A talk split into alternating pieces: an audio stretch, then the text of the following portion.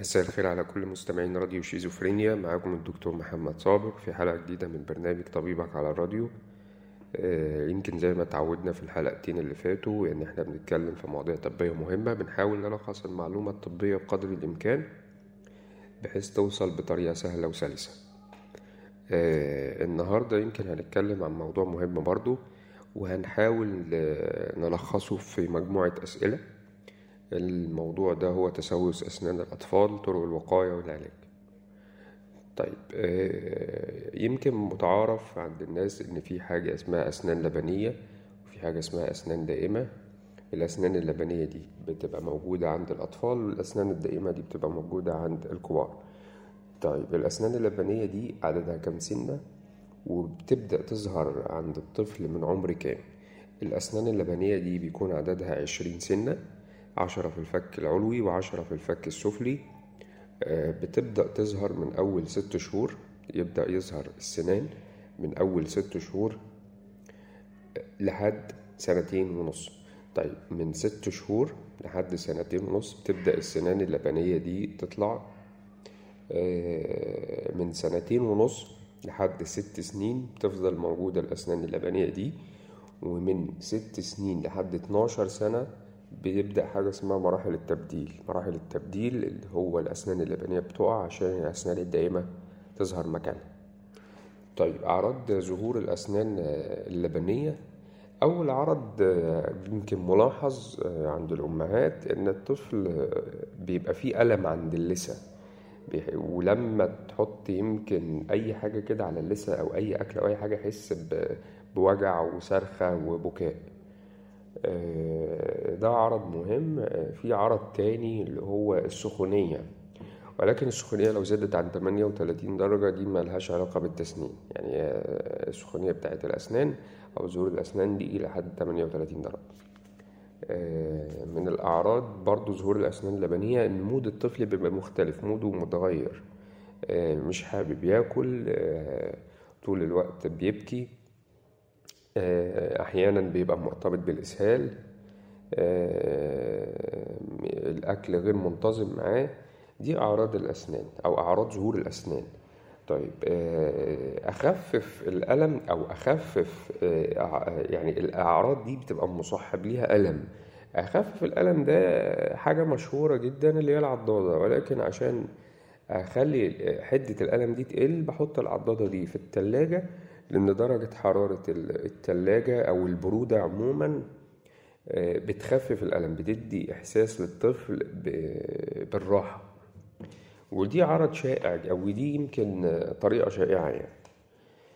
طيب في سؤال تاني آه، ليه أسنان الأطفال بتبدأ تتأخر في الظهور يعني آه، يا دكتور أنا ابني بقاله فترة مفيش سنان جديدة بتطلع في بقه طيب آه، السؤال ده إجابته مرتبطة بحاجتين. أول حاجة آه، نقص فيتامين د تاني حاجة نقص الكالسيوم.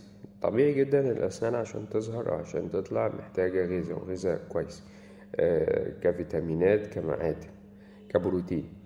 آه، من المكونات الأساسية للأسنان نسبة الكالسيوم لازم تكون عالية أو متوازنة. فبالتالي نقص الكالسيوم عند الطفل بيأخر ظهور الأسنان ودي حاجة شائعة جدا يعني. آه، في سؤال مهم برضو يا دكتور ليه أسنان طفلي بتسوس بسرعة؟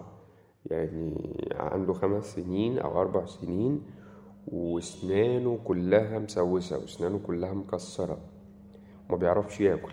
طيب آه، هل الطفل اللي عنده أربع سنين أو خمس سنين وأسنانه متكسرة وأسنانه متسوسة أروح للدكتور أقول له يا دكتور اخلع لي السن أو الضرس ده كده كده هتبدل؟ ولا إيه امثل طريقة للعلاج؟ امثل طريقة للعلاج في سنه ده ان لو في مشكلة من تسوس لسن أو ضرس اعالجها احافظ عليها.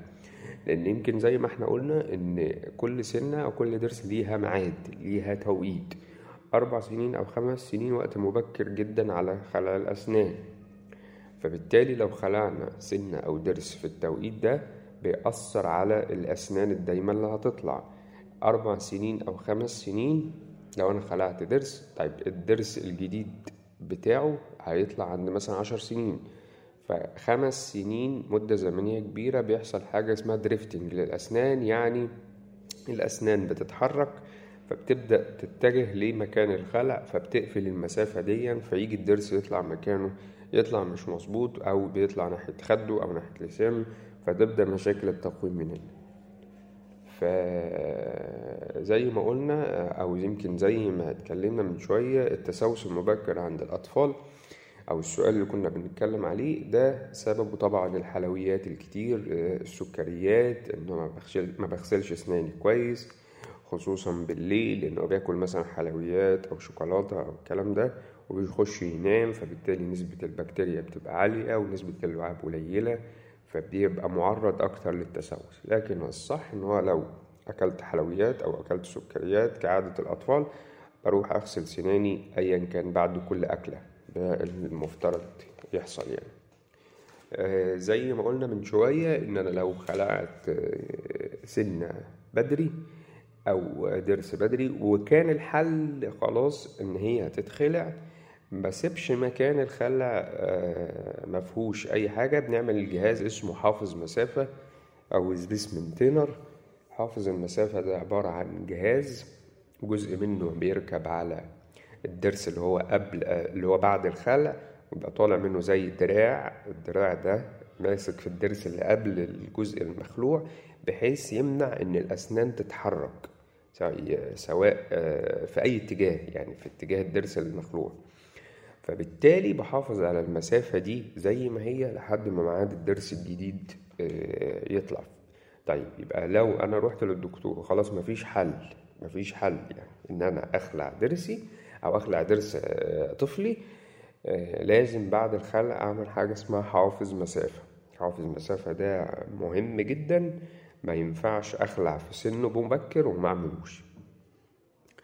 يمكن ده دي بعض الأسئلة السريعة عن موضوع تسوس أسنان الأطفال. موضوع فيه معلومات كتير جدا. وهنحاول في مرة كمان نتكلم عليه ونحاول نخش في تفاصيل أكتر أو أعمق. كنت معاكم أنا الدكتور محمد صابر في حلقة جديدة من برنامج طبيبك على الراديو. أتمنى تكون المعلومات دي قدرت قدرت نستفيد بيها كلنا. وربنا يكرم ويبعد عنا أي شر وأي مرض.